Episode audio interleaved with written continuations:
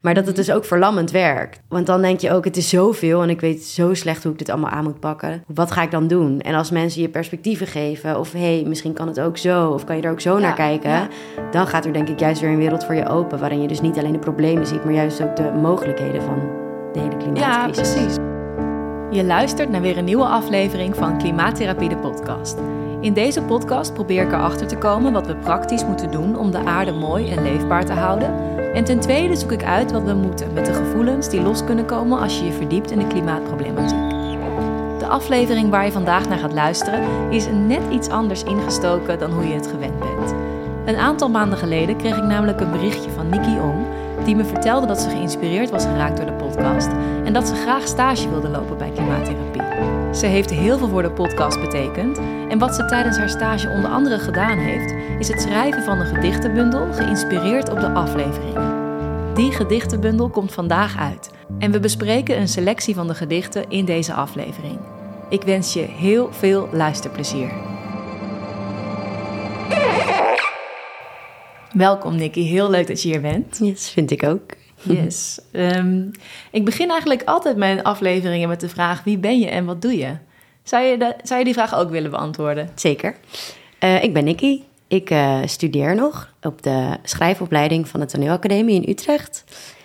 En uh, ja, wat doe ik? Nou, ik heb de stage gelopen bij jou, mm -hmm. want binnen die opleiding is er altijd ruimte voor een stage. En de opleiding is heel erg gefocust op toneel en film.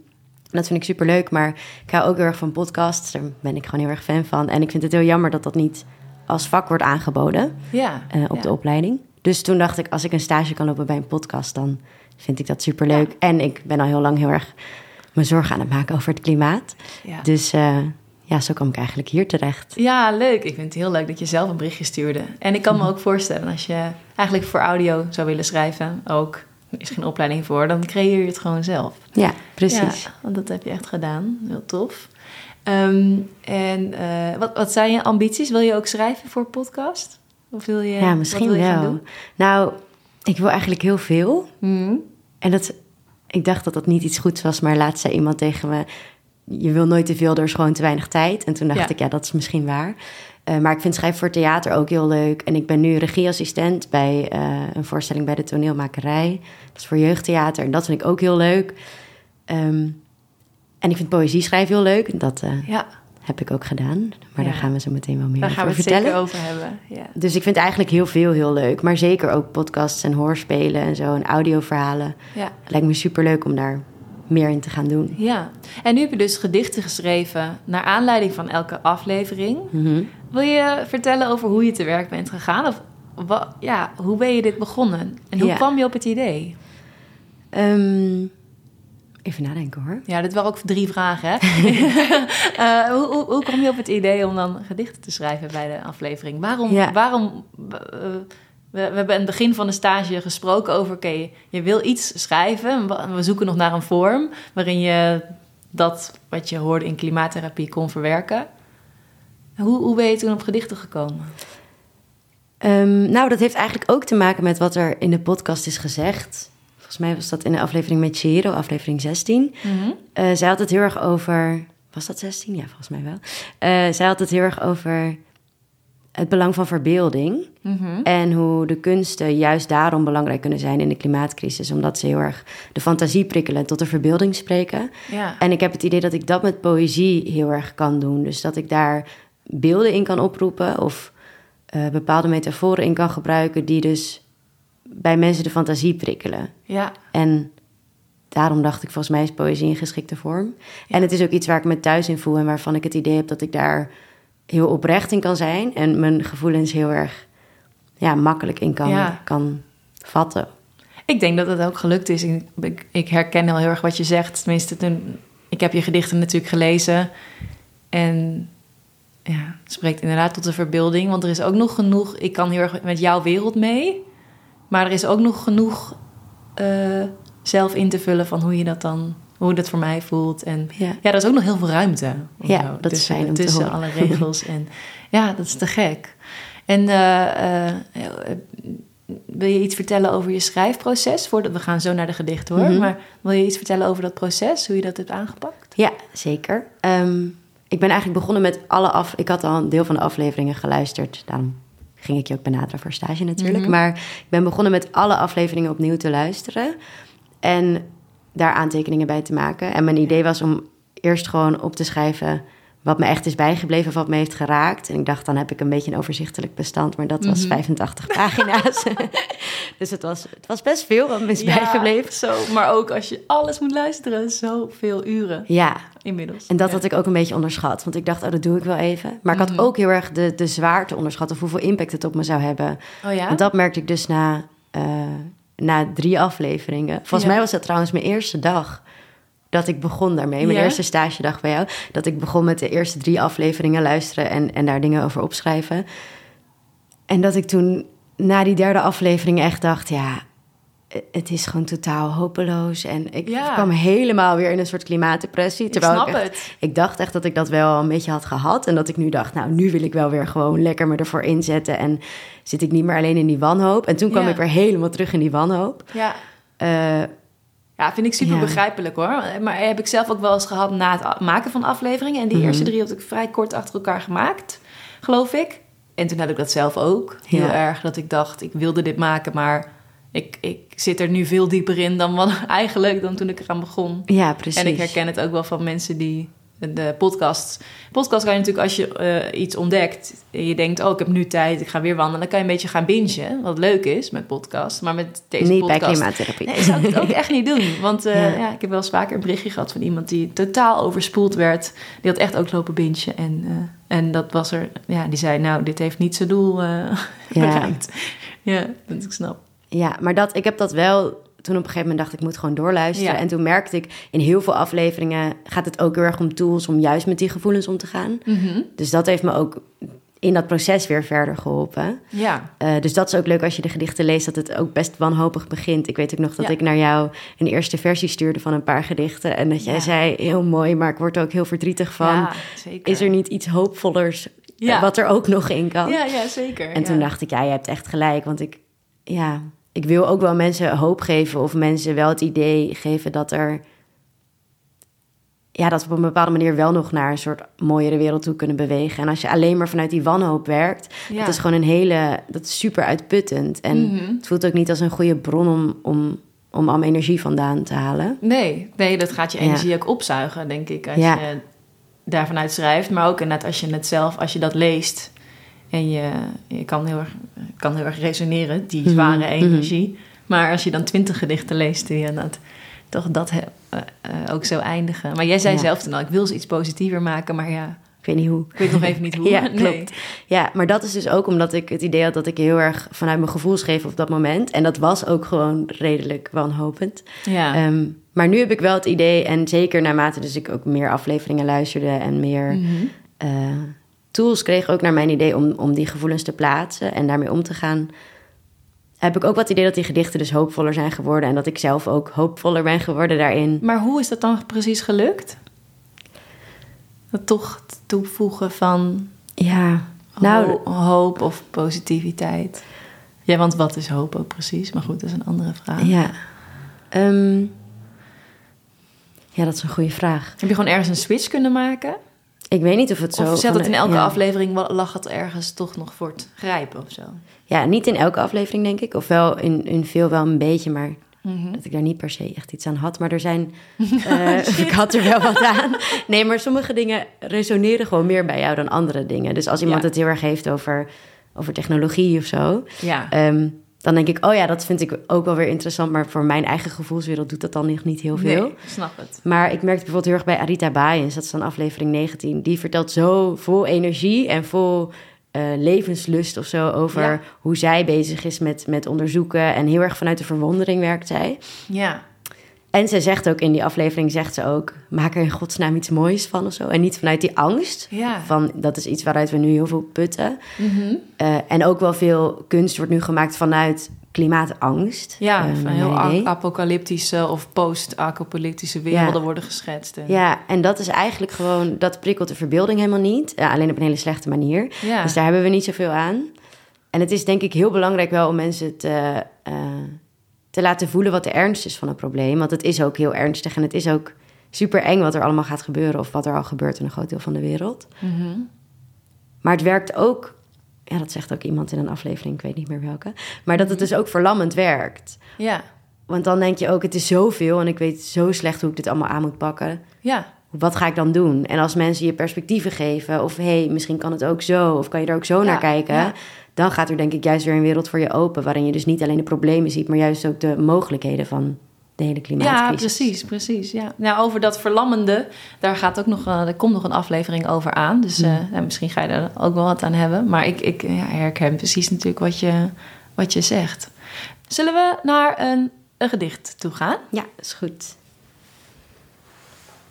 En leuk trouwens ook wat je zegt, ja, dat een energie van een persoon eigenlijk eh, bijna nog meer kan doen dan precies wat er gezegd wordt. Ja, Al, maar vooral gewoon ja, de aanstekelijkheid en iemands motor. Je kan daar gewoon een beetje op meeliften. ja dat is Ik echt denk zo. dat dat ook het is wat ik, eh, wat mij, ja, wat mij ook verder heeft gebracht in dit proces van klimaattherapie maken. Is nog niet eens zozeer meer en meer weten, want ik dacht dat ik dat wilde. Mhm. Meer te weten komen, zodat ik de tools heb, zodat ik ja, weet wat ik moet doen en me dan mag krachtiger voel. Maar al die voorbeelden van mensen die er eh, op een positieve manier of die er gewoon, ja, die er al mee aan de slag zijn. Of die een, een duidelijke visie hebben over hoe het kan en daar met passie over kunnen praten. Mhm. Dat is denk ik nog meer eh, helend geweest in Ja, die zin, als ik ja. dat woord even mag gebruiken. Ja. Ja. Oké, laten we een gedicht lezen. Met welk gedicht wil je beginnen? Nou, ik denk met één. Dat lijkt me wel lekker overzichtelijk. Zeker. Eh, en dat is dus eh, geïnspireerd eigenlijk op de aflevering met Ernst Kuiper. Ja, Ja. dat. En hij heet? Waterland. ja. Yes. Groenland smelt. Van het noordelijkste topje tot aan Kaap vaarwel. Waar gaat het water heen als de ijsschotsen verbrokkelen? Egypte, Fiji, Bangladesh. Hier bouwen we dijken. Houden we muren van water tegen met muren van steen. De invasie is onderweg en mijn ouders hebben haar ticket betaald. Nederland, waterland, zeiden ze trots. Onze kleinkinderen zullen geen sneeuw zien de piramides van Egypte alleen met duikbrevet bezoeken. Zij zijn de permafrostgeneratie. Die zien hoe de aarde zichzelf opwarmt. Kinderen die willen blijven vechten, maar net als bevroren plantenresten moeten dooien. Ooit worden we overstroomd. Maar nu kunnen we het water nog in de Noordzee bewaren, de schippers tot bedaren brengen, afkoelen. Dan hoeven mijn kinderen geen ark te bouwen. Hmm. Ja, dat is, dit is de, de, inderdaad die eerste aflevering waarin je zo geconfronteerd wordt met het stijgende water. Ja, Nu kunnen we het water nog in de Noordzee bewaren, Mhm. de schippers tot bedaren brengen, afkoelen. Dan hoeven mijn kinderen geen ark te bouwen. Is dat een soort van nog hoop wat je hebt? Dat, Ja. dat, de, dat het nog afgezwakt kan worden, waardoor jouw kinderen geen ark hoeven te bouwen? ja. Oh, ja, dat is ook een beetje eh, waar we het over hebben gehad. Die angst om, mag je nu nog wel kinderen op de aarde zetten? En is dat Mhm. wel verantwoord? En zeker als we dus blijven doorgaan met, met verbruiken zoals we dat nu doen... Mhm. Dan wordt het gewoon een hele gevaarlijke situatie. En dan Ja. gaat gewoon een groot deel van Nederland overstromen. Ja, En allerlei andere dingen die hierin zitten. Dus dan gaat Groenland smelten en dan gaat Egypte en Fiji en Bangladesh onder water lopen. En ja, Ehm, ja, dit is dus wel. Een heel groot van de wereld, deel van de wereld gaat sowieso overstromen. Dat is al, dat is verschrikkelijk, maar dat is wel gewoon de waarheid. ja. Maar in principe, dat klinkt ook weer heel egoïstisch, maar zou het kunnen dat Nederland nog best lang niet helemaal overstroomt? En dat hebben we gewoon nu heel erg in de hand. Dus we kunnen nu zeggen, of zeggen, we Ja. kunnen nu echt andere acties gaan ondernemen.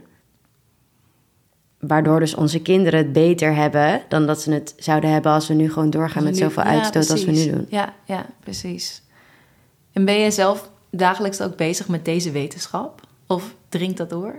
Ja, ja, zeker. Want ik wil heel graag kinderen. Ik heb soms het idee alsof ik een, een soort eh, twee levenslijnen heb die langs elkaar lopen. En dat in de ene, het ene toekomstperspectief is dat ik gewoon eh, kinderen krijg. En weet ik veel, met een hond en, en een lekker een huisje. En dan in Scheveningen gaan wonen. Ehm, Maar ik denk ook de hele tijd, ja, het kan heel goed dat Scheveningen overstroomd is over 40 jaar. Ja. Dat Scheveningen niet meer bestaat. Terwijl ik wil heel graag aan de zee wonen, want ik, ik heb bijna mijn hele leven al aan de zee gewoond. Oh ja, dus ja. dat is voor mij echt een plek waar ik me super fijn voel. En veilig ook eigenlijk. En als ik er dan dus aan denk dat mijn ideaalbeeld is dat ik in Scheveningen ga wonen met kinderen. Maar aan de andere kant is Scheveningen misschien overstroomd. En komen die kinderen in een wereld terecht met alleen maar conflict en oorlog door, door dus het klimaat. En talloze klimaatvluchtelingen en natuurrampen. En denk ik ook, ja, kan ik dan wel zo naïef denken... ik kan heel leuk mijn leven gaan leiden en in een huisje in Scheveningen gaan wonen... Of is dat gewoon geen reëel toekomstbeeld? En moet ik daardoor mijn verwachtingen bijstellen? Ja, precies. Echt ook bizar dat het voor jou een veilige situatie was. Juist een veilige plek ja. aan de zee. En dat, dan, dat je dat dus misschien je kinderen dus juist niet kan geven. Ja, precies. Omdat dit zo dreigend is. Ik wist eigenlijk niet eens, in die 40 jaar wat je nu zegt, bekna be, eh, hoe heet dat? Beknelt me ineens. Dat ik denk, oh ja, als dat echt zo is. Soms dissocieer ik me echt van dat, van, van dat gevoel. Ja, En ik word op de een manier ook geraakt, want ik denk... Jij bent nog weer tien jaar jonger dan ik of zo. Mhm. En ik heb dan nog iets van... Ja, maar als ik snel ben met kinderen krijgen, dan, eh, ja, dan eh, redden we dat nog wel net. Dan zijn zij nog wel veilig. Maar jij bent ook alweer... Ik zie ineens hoe oneerlijk het is, zeg maar... Ik zit er dan tussenin, voor mijn gevoel. Dat maak ik in ieder geval mezelf wijs. Maar eh, dat, die oudere generatie, die dus zeg maar ook voor een groot deel dit veroorzaakt hebben... Mhm. Dat zij het nog allemaal in hun leven niet echt onder ogen zien. ja. En volgens mij praat ik nu gewoon voor het eerst eigenlijk in de podcast met iemand die nog jonger, echt wel een stukje of jo- jonger is. Mhm. Waarbij het gewoon echt nog veel meer dichterbij komt en echt in je eigen leven raakt. ja. Pittig. Even om te beseffen dat of zo. Ja, ik had dus zelf Crazy. ook dat besef dat het waarschijnlijk echt in mijn leven... of in, in het leven van mijn kinderen, als ik die ooit mag krijgen... maar dat wij er echt heel veel last van gaan hebben. Mhm. Dat besefte ik me ook echt niet tot ergens vorig jaar. Dat ik ineens dacht, wacht, ik zie dit de hele tijd als iets wat heel erg in de toekomst ligt. Ja, Terwijl dat is gewoon niet zo. Want op dit moment zijn er al zoveel klimaatvluchtelingen... en al zoveel Ja. mensen die, daar, die daarmee kampen. En het wordt alleen maar erger. Met het jaar wordt het alleen maar erger. Dus ja, wij gaan er ook gewoon nog veel meer last van krijgen... dan we nu misschien al soms hebben. ja. En dat is ook echt een... Dat voelt als iets... Je kan dat weten, maar het beseffen en het echt voelen... is echt tragisch. Ja, het is echt heel zwaar. Totaal iets anders. Ja, dat is echt totaal iets anders dan erover praten. Ja, Of dan er, dan maar echt, echt binnen laten komen is echt iets anders, ja. ja, Ja, ja, ja. En eh, ik vind dat dat lezen van dit gedicht, omdat het ook de ruimte geeft om erover na te denken. En, en daarna daarna met jou praten. Of misschien heb jij dat vaker met, jou, met jouw generatiegenoten. En dat maakt het ineens weer. Ja, ik zie jou. Dat, Nee. is dat, niet- hou je je daar expres een beetje van ehm, afzijdig? ja, Oh. van erover praten. Met, Ja? ja. Een beetje wel. Omdat ik heb wel het idee dat er in mijn omgeving veel mensen zijn... van mijn leeftijd ook die er wel mee bezig zijn. Bijna Mhm. iedereen eh, met wie ik bevriend ben... die maakt zich wel echt zorgen. Mhm. Maar ik heb ook het idee dat het... eh ah, dat zit in een gedicht dat ik nu niet voor ga dragen. Maar Mhm. eh, dat, dat veel mensen op rationeel niveau het wel erg vinden... maar nog niet per se daar echt veel verdriet over voelen. Ja. En ik heb dan soms het idee dat ze mij gewoon best wel een aansteller vinden of zo... omdat ik toch echt veel moet huilen ook of zo Ja. om de klimaatcrisis. En ja. op zo'n... toch op een ander niveau me daar echt zorgen om maak. Ja, maar ik denk dat dat dan. ehm, jij laat het je raken of je laat, het, je laat het ook echt binnenkomen. En misschien dat bij andere mensen dat op een andere manier dus binnenkomt. Ja, Ehm ja dat Ja. is ook zo. En dat is ook helemaal oké. Ja. Ja, maar ik merk dus wel daardoor dat ik het dan bijvoorbeeld heel fijn vind dat ik er met jou eh, bij die stage over kon praten. Of dat ik Ja. dan het idee heb, oh, er zijn wel een aantal mensen die het op zo- zo'n Ja. zelfde manier ervaren. Ja. Omdat het anders ook gewoon best eenzaam kan voelen. Mega, Ja. natuurlijk. Ja, dat is ook, ook een reden waarom ik de podcast ben gestart. Want ik hoopte dat daardoor meer mensen zi- zich gehoord voelden. Want ik weet dat er meer mensen zich alleen voelen. En omdat ik me hier ook, ik heb me hier ook heel erg in alleen gevoeld hoor. Hetzelfde, dat heb ik dus ook als ik jou dus nu net had hoor zeggen. Dat ik ineens denk, oh my god, dit komt ook bij mij binnen. Want ik herken die, die, dat verdriet daarom, of die angst, of die, die- al die Mhm. Dingen die dus echt op een soort diepere laag op gevoelsniveau zich afspelen, herken ik ook heel erg. En als je dan iemand hoort, heb ik ook wel eens bij een voorstelling gezien waarin er een hele monoloog zat van iemand die daarover praten, als je het herkent, dan kan je dat ineens weer via de gevoelens van iemand anders die daarover Mhm. praat, ook ineens weer voelen of zo. Ja, maar ik denk dat dat wel goed is om wel gewoon af en toe ook, eh, ja, of niet af en toe, maar dat is gewoon oké, denk ik. Ja. Zullen we nu naar het volgende Ja. gedicht gaan? Alright. Het grote uit elkaar vallen is dit, hè? Wil jij deze doen of zal ik deze doen? Volgens mij wil jij hem Oh ja, deze doen. vond ik zo mooi dat ik hem zelf wil. Maar ik zat wel net, luisterde ik naar jou en toen dacht ik... oh, Oh, jij kan wel eh, ah, zo mooi voorlezen. en je hebt ze natuurlijk geschreven. Wil je, weet je zeker dat je hem niet zelf wil voorlezen? Lees jij maar voor, joh. Oké. Ehm, ja, dit is dus het, het, eh, het zevende gedicht. En dit is geïnspireerd op de afleveringen van Manon Danker. Mhm. En ze heeft er twee geschreven. Ze- Zeven en acht zijn allebei Manon Danker. Maar dit gaat Ja. dan echt specifiek over die aflevering zeven. Mhm. En het heet Het grote uit elkaar vallen. Soms droom ik dat alles aan elkaar plakt. De wolken en de buurman en de beukenboom. Ik en de zee. Alle atomen verbonden door hetzelfde bindweefsel. Mijn longen zijn gevuld met bladeren. Mijn handen zijn gemaakt van water. Mijn voeten verbonden aan netwerken van wortels. En het alles aan elkaar kleeft als bijenwas. Maar in de red race is geen tijd voor lijmen, enkel voor gebrokenheid. Wij bevinden ons te midden van het grote uit elkaar vallen. En hier, in deze chaos, zoek ik. Naar lijnen die mij verbinden met alles buiten mij. Ik weet dat ze er zijn, maar hier in de stad is het makkelijk vergeten.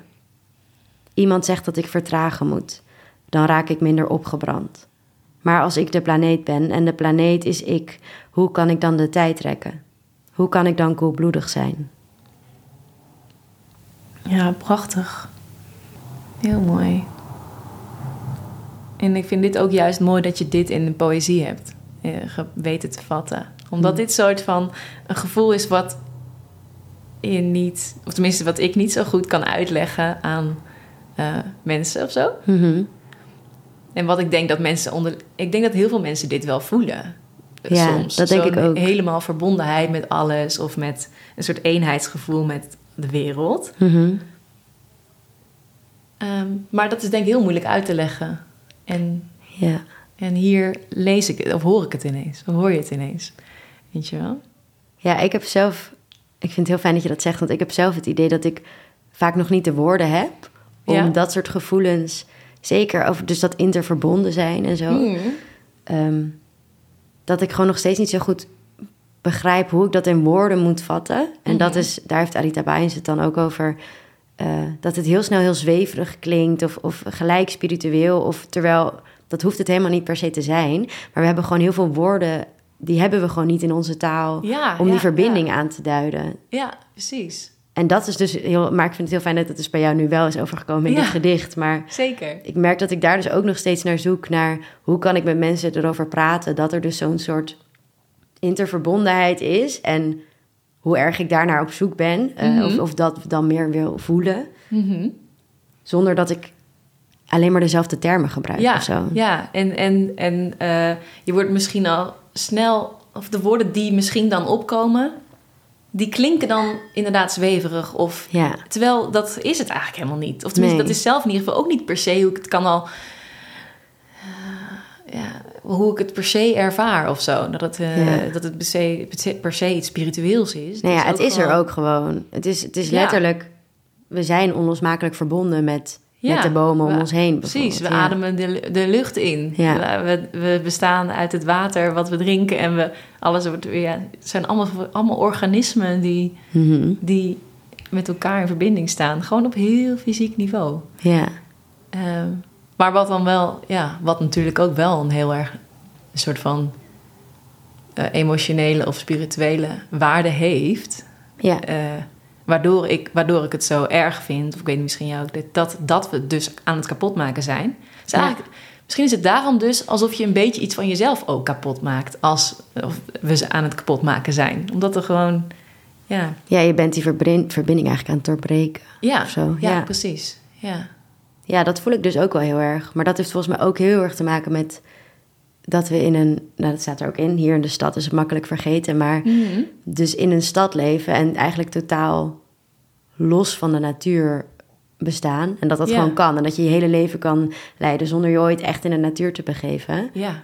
Dan is het ook heel lastig om die verbinding te voelen. Ja, ja, terwijl de natuur zit ook, we zijn- zitten hier ook in de stad en toch kan ik, eh, eh, is de boom en de, eh, die hier voor de deur staat en is, er is ook heel veel, de natuur krijg je ook weer niet helemaal klein hier ook denk Ja, ik. dat is zo. Is wel natuur. Maar ik, ik, ik, ik, begrijp wel die grote eenheidservaring, zeg maar. Of de, dat is een woord wat ik echt onlangs heb geleerd hoor.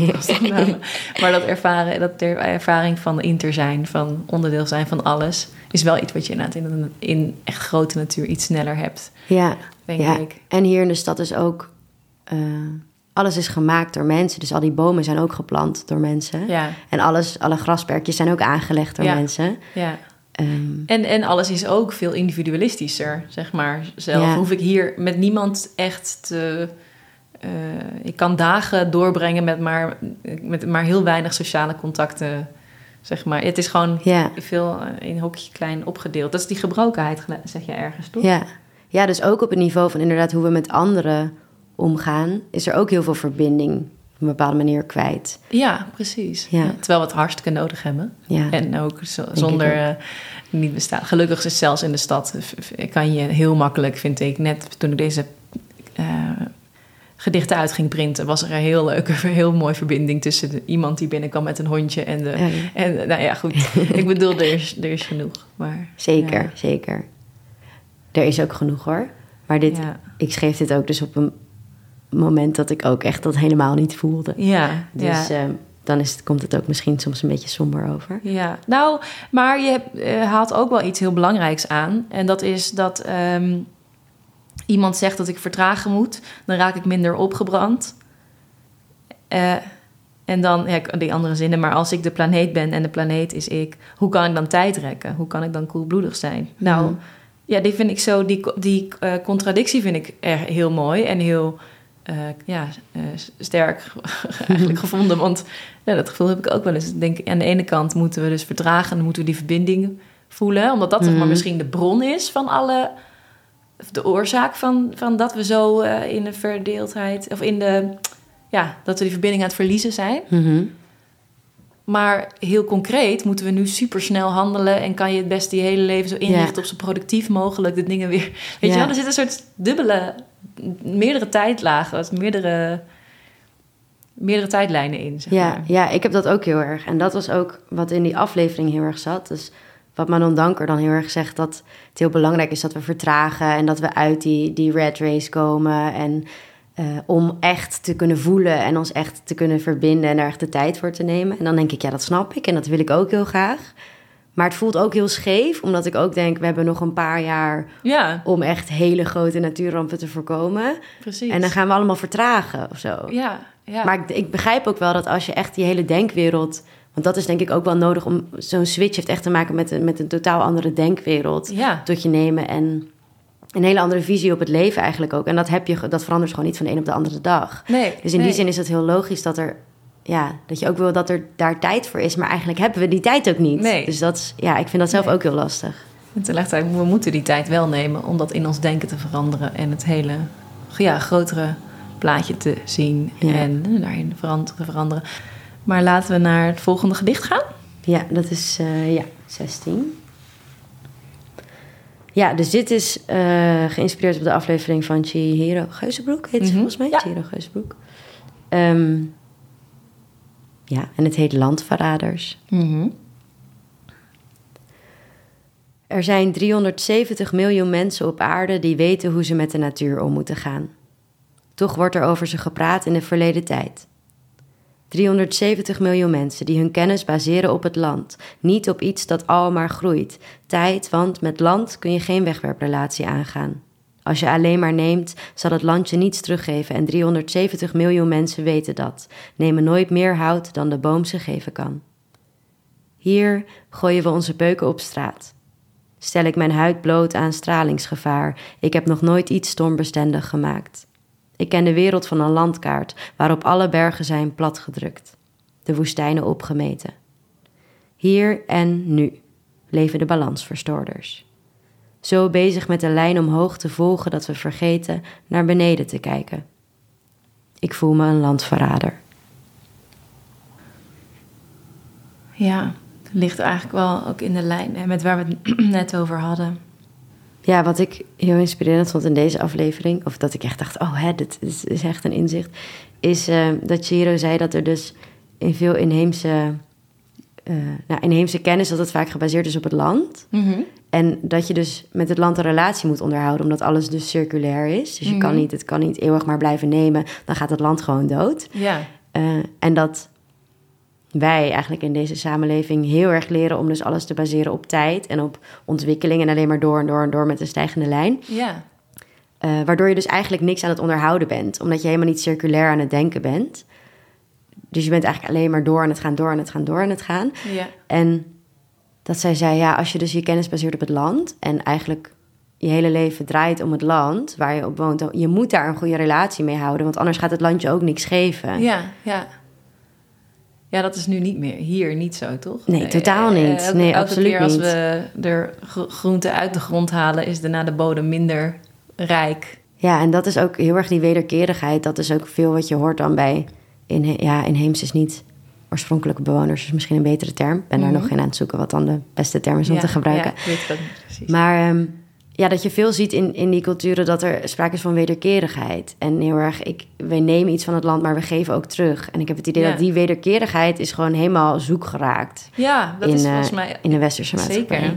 Maar dat is volgens mij al begonnen. Volgens mij zei Sarai dat in een aflevering. In een tijd van het christendom, waarin gewoon Ja. de, het land is er voor ons, voor ons tot onze beschikking, zeg Ja. maar. Waar wij recht over hebben. Daar is eigenlijk die, die, die eh, tweedeling eigenlijk ontstaan. Ja. Ben jij ook een soort van bezig met hoe je dat, hoe dat keer terug kunnen draaien? Of hoe we daar, hoe we dat kunnen herstellen? Nou, ja. Eh, ik, eh, ik, ga- ik ga een project doen met een vriendin van mij. Dat is dezelfde vriendin waarmee ik over klimaat kan praten... maar Ja. die dus niet op dezelfde manier wanhoop ervaart. Mhm. Maar we gaan een maand naar Zweden... en dan in het noorden van Zweden gaan we eh hiken. Mhm. Eh, wel los van elkaar, maar we lopen dezelfde route... maar dan de andere kant op. Oh, echt? Ja, en ehm, Klinkt ook meteen als een performance. ja, is het ook een beetje. Maar we willen er dus uiteindelijk een performance over gaan maken. Oh ja, top. Eh, maar we willen dat doen vanuit het idee, eigenlijk vanuit dit idee, dus om die balans met de aarde op een bepaalde manier te herstellen. Ehm, maar vooral omdat we dus het idee hebben dat we losstaan van het ecosysteem, wat niet zo is. Maar Mhm. Dat je dus als je langer in de natuur bent en dus weer die afhankelijkheid ervaart. Van ja, als het gewoon heel hard regent, dan, ja, je, je bent gewoon afhankelijk van Ja, natuur. ja, je kan niet ja. zeggen, nou, ik ga gewoon alleen maar lekker binnen zitten en tv kijken en ik doe de ramen dicht en het maakt me nee, niet uit. Nee. Want we gaan gewoon de hele maand slapen in een tentje en zo. Dus, Ja, ehm, dus je bent gewoon, je moet je dan denk ik wel afhankelijk voelen van de natuur. En waarschijnlijk, hopelijk, dus ook meer onderdeel van dat ecosysteem. ja. En ik denk dus als we binnen onszelf weer meer voelen: oh, ik ben echt afhankelijk van deze natuur. En ik kan dus niet alleen maar nemen, want die natuur die gooit het gewoon vijf keer zo hard weer in mijn gezicht. Of zo. We moeten Ja. op een bepaalde manier moet ik daar respectvol mee omgaan. Als we Mhm. dat zelf voelen, want dat is dus het ding nu. Ik weet het wel, of ik Ja. denk het wel, maar ik voel het nog steeds niet heel erg. Oh ja. En ik denk als ik me dus lange tijd in de natuur begeef, dat ik dat dan meer ga voelen. En Ja. ik denk dat dat iets is wat misschien iedereen wel nodig heeft. Dus een soort echt een gevoel van afhankelijkheid of van onderdeel zijn van een groter Ja, geheel. in ieder geval dat de natuur groter is dan jij. Ja, Of- precies. ja, nu ja. zeg ik ook alsof het iets anders is dan jij, terwijl jij bent Ja, er ook onderdeel van. Maar, Maar ja. we weten wat we bedoelen. ja. Ja, dat, je, eh, ja, dat ze sterker, of tenminste inderdaad. eh, ik ben ook wel veel alleen op reis geweest en ook wel in de Mhm. natuur. Eh, hoe ga, gaan jullie expres ook los van elkaar? Ja, ja, omdat we eigenlijk ook los willen van alle afleiding. Dus we wilden eigenlijk Ja. ook geen telefoon no- en hele maand niet spreken en zo. En nu denken we Oh, ook, ja, misschien wordt dat wel heel heftig. Ja, want je kan het ook ja, heftig worden, denk ik. Ja, en van onze moeders moeten we ook een telefoon Nee, je moet, ja, ik zou ook echt zeggen, je moet een telefoon mee. Ja, we willen er dus een voorstelling over maken. Ja, Ehm, maar we weten ook nog niet zo goed, als we nu dus heel erg gaan bedenken, we gaan hier een voorstelling over maken, dus we moeten heel veel materiaal hebben dat heel goed is of zo. Mhm. Dan voelt het ook alsof het het doel een beetje voorbij schiet. Namelijk Ja. dus gewoon daar zijn en gewoon ervaren. ja, Ja, ja, als je er daar al kunst over gaat maken, dan beleef je het ook weer niet echt. Maar Ja, ben je al in de vorm gieten. en ben je heel erg aan het denken aan het product dat er uiteindelijk uit Ja. moet komen. Terwijl dat is ook weer gewoon heel erg natuurlijk deze maatschappij, zo'n prestatiemaatschappij, Ja. dat er Ja. altijd weer iets uit moet komen. een doel. En, ja, moet een Ja. doel hebben. En misschien is dit wel gewoon het doel. En is het gewoon daar zijn. En Ja. hopelijk op een bepaalde manier meer ervaren wat we nu nog niet zo ervaren. Ja, ja. Volgens mij heeft daar Manon ook heel veel over ge... Er zitten ook eh, mm, eh, boekjes... Dat stond volgens mij in een boek van Thich Nhat Hanh misschien. Dat je door de natuur kan lopen met het gevoel dat je eh, niet vanuit jezelf... eh, kijkend naar de, naar de plek om je heen... maar alsof je een...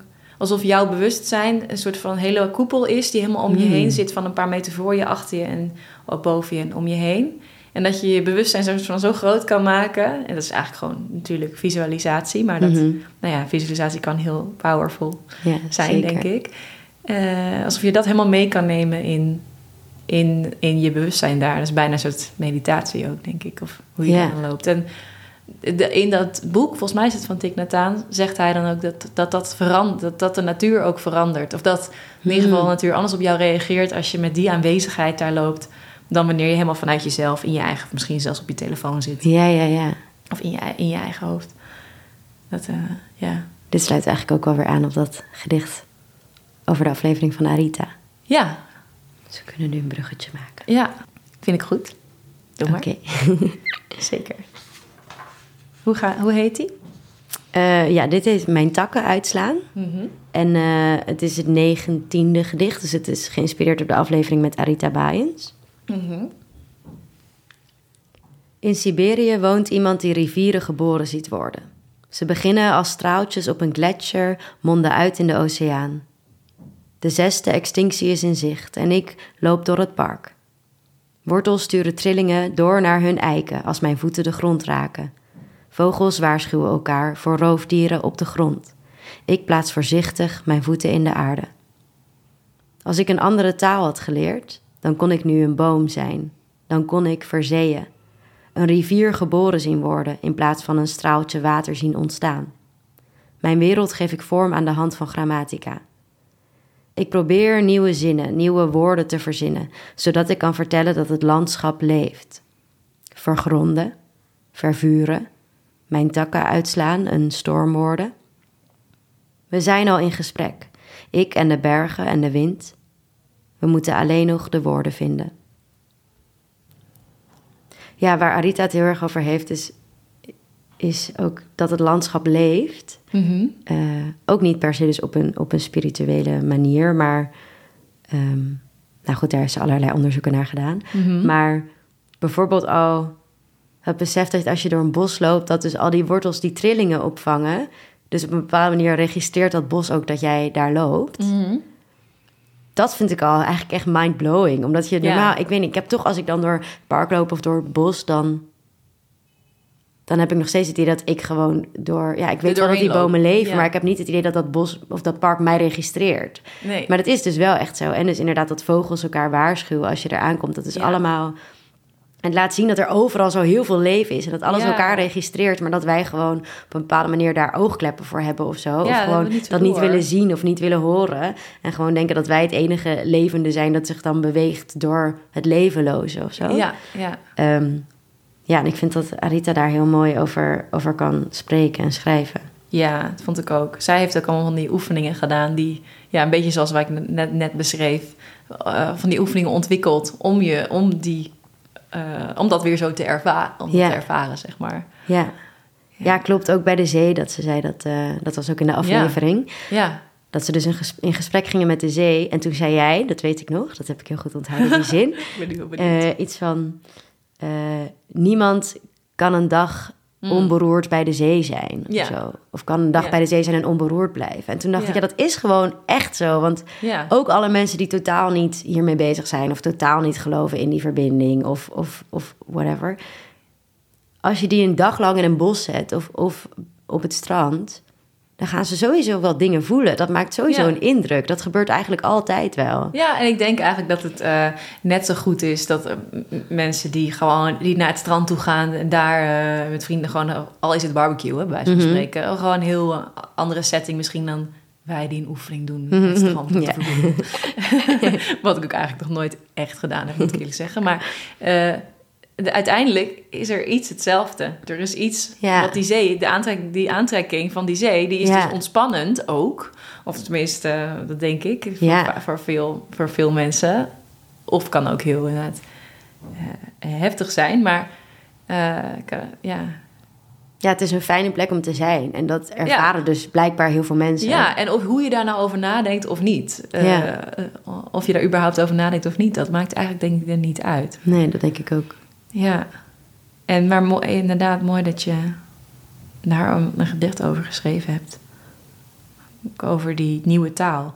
Want ja, je zei ehm, even terug naar het begin dat je erg, eh, juist heel erg dat verdoemde gevoel, noem je dat ook weer? Doomed? Hoe zeg je nou ook weer? Ja, eh, Verdoemenis. gedoemd. Nee. Eh, Gedoemd. Ja, zo'n wanhopig gevoel had, Ja. zeg maar, in het begin. Dat je ging aan het ook dat je ging schrijven. En dat je het niet lukt om hoop te vinden. Maar hier heb je, kreeg je meer energie van weer, toch? Ja, maar dat is ook echt door Arita Baaiens. Want zij is gewoon een bom van energie. Ja. Eh, en ik heb het idee, wat zij heel erg doet, is echt met, met de ogen van een kind naar de wereld kijken. Dus heel erg verwonderd. En nou, ik was ooit bij een lezing van haar en toen was ze echt zo, zo enthousiast over alle dingen die ze had, had ontdekt en meegemaakt. En dat werkt super aanstekelijk. En toen dacht ik, ja, dit is echt de energie die je nodig hebt om, eh, om ook je denkbeelden aan te passen of zo. Ja, of om, ja. Dit is echt iets wat aanzet in plaats van alleen maar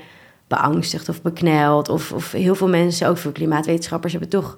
Ja, die zijn best treurig, wat heel logisch is, want het is ook een hele treurige Ja, zaak. Maar Ja. Zij vliegt het allemaal met zoveel hoop en verwondering aan. Ja. Eh, en dat werkt gewoon super aanstekelijk. En daardoor ben ik ook wel echt gaan denken: oh ja, ik kan me ook nog steeds over alles verwonderen. En, en eigenlijk heeft ze ook gelijk, want alles wat ik hier zie is ook magisch. Mhm. Eh, en ga ik dan, da- daardoor ben ik denk ik ook meer bezig met hoe kan ik soort van die, die magie van de wereld zo lang mogelijk levend houden. Ja. In plaats van wanneer komt alle ellende of zo. Ja, ja, precies. Ja, super mooi. Ja, die, die instelling is volgens mij zo goed. En dat is gewoon die stress en die wanhoop eigenlijk voorbij zijn. Ben je Mhm. doorheen gegaan. En dan daarin terechtkomen. Volgens mij is dat de energie waarin je gewoon tot, tot eh, eh, ja, oplossingen kan komen. hoor. Ik zei, Ja. ja. Ja, Ja, en het is ook iedereen niet, die reis toewensen. Ja, ik ook. Maar het is ook niet... Ik ben nog steeds wel wanhopig hoor, af en toe. En ik Mm. kan er ook nog steeds wel verdrietig om zijn. Maar het is wel lang geleden dat ik heb gehuild om het klimaat. dat Oh, is echt ja. lang geleden, dus Oh, dat is goed. goed. Ehm, maar ja, ik heb dus wel het idee dat zo'n soort insteek... dat dat echt helpt in actie ondernemen. Ja. En ik denk dat het ook oké is om heen en weer te gaan. Dus Ja, kan af en toe in die af en toe wel huilen om, of wel af en toe wel een soort van oh my god, dit eh, het gaat nooit goed komen. Is ook Ja. logisch. Het is ook circulair. Het is heel Ja, gezond. Precies. precies. En als je dat dan maar mag toestaan, gewoon dat het zo is. En dan kan je daar weer uitkomen en weer in die productieve, of productieve, ja, in die fijnere vibe. Ja, In de Arita-vibe. ja. ja, het is toch wel ook weer een hele andere bron om uit te putten of zo. Ja. ja dus echt precies. vanuit die verwondering in plaats vanuit die wanhoop. Ja. ja, precies. Zullen we nog naar het laatste gedicht? Ja, Of wilde je hier nog iets over zeggen? nee hoor, dit is helemaal goed. Oké.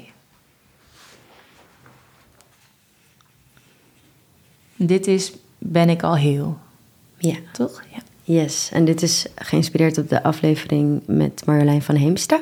Ja. Ik groeide op in een stad zonder sterren. Mijn lucht werd verlicht door groentekassen en lantaarnpalen, waar insecten rondcirkelden tot ze dood neervielen. Ik weet dat de maan ooit onderdeel was van de aarde. Dat de zon onze planeet gaat opslokken. Dat mijn lijf bestaat uit bouwstenen die van een ster komen, lichtjaren ver weg. Misschien dat ik me minder wankel voel als ik kan navigeren op een hemellichaam. Er is een heelheid die ik waarschijnlijk pas begrijp als ik astronaut word. Vanuit de ruimte naar de aarde kijk. De planeet als één organisme, een dier in het heelal zie zweven. De kans is groot dat wij verdwijnen. En je weet inmiddels vast dat dat me zorgen baart. Maar op de schaal van de melkweg maakt het allemaal niets uit. En dat stelt me gerust. Ja, mooi. En ehm stel dat je. mm, Ik merk dat, ik, dat mij dat niet altijd echt geruststelt. Mhm. Heb jij dat? Mij ook niet altijd hoor. Maar ik merk wel dat dus uitzoomen, wat Marjolein van Heemsteenberg doet, dus ook... Nou, ik heb dus ook op mijn laptop als achtergrond heb ik die eh, Hubble Ultra Deep Field. eh, Oh, ja. Zo'n foto van allerlei sterrenstelsels. Mhm. Eh, en ik merk dus, dat is heel stom, want dan moet ik natuurlijk op een schermpje alsnog daarnaar kijken. Mhm. Maar goed, maar dat het me dus wel echt helpt om, om mezelf veel te confronteren met hoe klein en nietig we allemaal zijn. Maar dat er ergens hier een sterrenstelseltje is en daar zit ons hele zonnestelsel in en daar zit de aarde in. Oh my god. Dat is bizar, toch? Zijn dit allemaal verschillende zonnestelsels? Sterrenstelsels volgens mij. Sterrenstelsels. Ja. Ja. En dat, ik vind dat gewoon echt te bizar voor woorden om voor te stellen hoe Ja. in al die sterrenstelsels zitten dus planeten. ja, crazy. En dit is nog maar één deel Van alles. Ja. van het hele universum. Ja, dat is echt ongelooflijk, ja. Dus toch op een of andere manier, ik, het, het stelt me ook niet altijd gerust. Want ik weet nog steeds hoe erg alles is en zo. Maar toch, als je bedenkt dat wij zo'n stipje zijn Ja, en zo'n gigantisch universum, ja. dan kan ik ook wel weer denken: ja, misschien is het ook wel gewoon goed dat ik het nu gewoon leuk heb. En dan ga ik ook weer dood en dan ja. ga ik ook weer op in de aarde. En dan ja, is dat ook wel weer ja, oké. precies. of Het is zo. gewoon, je bent er heel even geweest en je gaat weer in, het, in dit grote geheel gezien, zeg maar. Ja, Alleen, en- en- het is ook lekker om naar te kijken, dit- deze foto. ontspannen. Ja, maar het is, eh, eh, ja, eh, aan de andere kant vind ik het dan nog steeds wel ook weer bijna onvoorstelbaar dat we dan zeg maar in zo'n sterrenstelsel dan al miljarden jaren, miljarden jaren zeg maar in leven, of Mhm. zeg maar eh, organismen aan het leven zijn. Dat ik nou net in die, in die paar jaar geboren moet zijn waarin een aantal mensen het, nodig Mhm. vond om dat ecosysteem wat er was, wat eigenlijk ju- juist op dat moment heel goed functioneerde, wat heel mooi was. En Ja. heel erg, ja, dat, ik vind dat dan niet echt een argument om dan te denken van, oh, maar dan is het dus best wel oké om het nu dan kapot te maken. Ja, dat is het ook niet, denk Nee, ik hoor. Maar, maar ik, ik weet dat er zoveel mensen zijn die zeg maar zo uitzoomen en dan in principe denken, ja, het is jammer, het is vooral voor de mens dan lastig, dat er zoveel migratiestromen zullen zijn en dat Mhm. het dan zoveel kapot gaat. Maar ja, it's okay in het grotere plaatje. ja, dat is het natuurlijk niet. Ja, ik, ja, Ja. ik vind dat ook niet. Ik vind Ja. dat ook niet. Ik denk Ja. dat, ja, maar het is dan wel de mens die dat dan veroorzaakt heeft. En Ja, maar ik denk ook niet dat Schip. Ja, ik denk ook echt niet dat dat oké is. En ik denk ook mensen die zeggen... ja, maar uiteindelijk de aarde gaat, zal niet zo snel vergaan... en de aarde gaat zichzelf nog heel lang redden. Ja, Mhm. dat is natuurlijk ook zo. Maar het is het ook helemaal doodrelativeren... en gewoon ook zeggen... het is ook super nihilistisch op een bepaalde manier. Van, Ja. Maakt ook uiteindelijk allemaal niks uit en alles is zinloos. En misschien Ja. is dat ook zo. Ja, Maar ik denk dus wel... dat weten we niet, maar... ik denk dus wel dat... eh, nou, wat wij dus hier nu zitten te doen, maar gewoon op een bepaalde manier je wel inzetten voor dingen waar jij in gelooft of waar je achter staat, is voor mij heel erg zingeving. Dus maakt voor mij ook wel eens mijn hele leven zinloos. Geeft het alsnog op een bepaalde Ja. manier wel heel veel betekenis. Ja, en ik denk ja, ook, ja. want het is voor mij ook niet zo dat ik het allemaal dus dood wil relativeren door ineens nee, ik, eh, naar de ruimte te kijken of zo. Maar ik heb wel het idee dat het me helpt voor mijn eigen mental peace, zeg maar Ja, omdat het dus soms ook zo heel zwaar kan zijn als je er heel diep in zit. In al die, in die, al die stoffen, die klimaatmaterie. En dat, dat het gewoon echt je leeg kan zuigen. En al je energie gewoon opslokt. Helpt het me dus ook heel erg om dus op een bepaalde manier wel te relativeren. Dus ook te kunnen zeggen, in dit hele magische universum...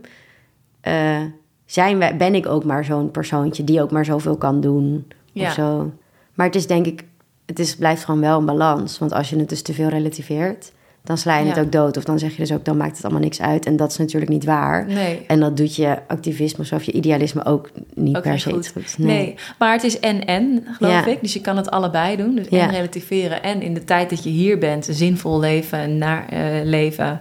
eh, en het zo inrichten dat je naar je eigen waarde leeft en naar je eigen dromen, wat je Ja, wil. precies. Weet in ieder geval bijdragen aan, de, aan het goede dan. Mhm.